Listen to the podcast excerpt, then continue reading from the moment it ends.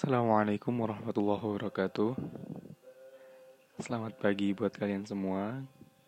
Selamat mengistirahatkan diri dari penatnya lika-liku yang telah kalian lewati. Balik lagi setelah sekian lama vakum di podcast Rehat Sejenak. Gue Lutfi Darmawan.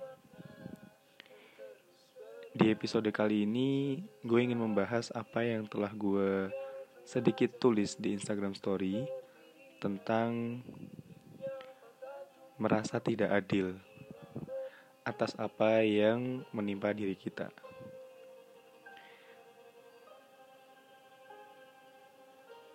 Kita terlalu melihat sesuatu secara implisit, tapi tidak pernah membaca sesuatu dari eksplisitnya, sehingga jangkauan kita hanya pada diri kita. Kita tidak melihat masa lalu, masa sekarang, masa depan, bahkan lingkungan.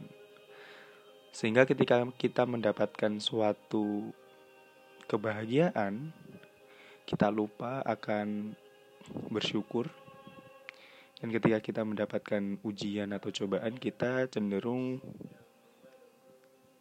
lupa dengan siapa yang memberikan kebahagiaan dan cenderung mengatakan bahwa Tuhan tidak adil. Yang jadi poin menarik dari apa yang gue dapetin dari podcast Bang Indah Frimawan bahwasannya justru dengan ketidakadilan yang kita rasakan itu adalah bentuk keadilan Tuhan, bentuk keadilan Allah. Kenapa? Karena setiap orang pasti merasakan ketidakadilan menurut mereka. Otomatis itu adil kan? Berarti semua orang merasa ketidakadilan yang menimpa pada diri mereka. Berarti Tuhan itu adil, Allah itu adil. Semua manusia diberikan rasa ketidakadilan.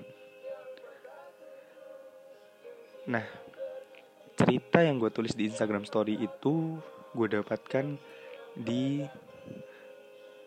hari H plus 2 setelah lebaran. Ketika itu sedang santai-santai di rumah, gue ke bawah ngobrol sama bunda, dan bunda tiba-tiba cerita. Dek, kamu itu dulu hampir gak lahir di dunia ini. Karena enam bulan kandungan kamu, Mbah sakaratul maut. Keluarga besar udah panik. Ayah kamu juga bolak-balik rumah sakit. Bunda gak ada yang nemenin di rumah. Bunda stres dan mengalami pendarahan yang hebat. Tapi mungkin itu yang disebut nikmat ya dek. Kamu diberikan hidup meskipun bagimu hidupmu banyak tantangan banyak cobaan yang menurutmu itu tidak adil. Padahal dengan kamu hidup itu sudah menjadi keadilan. Dan kita terlalu banyak menuntut dan mendikte Tuhan. Kita lupa caranya bersyukur, kita lupa caranya menerima apa yang kita punya. Sehingga kita hanya melihat kesuksesan orang, kebahagiaan orang, yang justru itu membuat kita semakin rendah. Jadi buat teman-teman, kita hidup itu saja. Itu sudah merupakan keadilan terbesar bagi kita. Karena satu-satunya impian orang yang ada di alam kubur adalah hanya satu. Hidup kembali walaupun cuma satu hari. Kita sama-sama belajar. Terima kasih. Semoga bermanfaat. Gue Lutfi Darmawan. Sampai jumpa di episode selanjutnya. Assalamualaikum warahmatullahi wabarakatuh.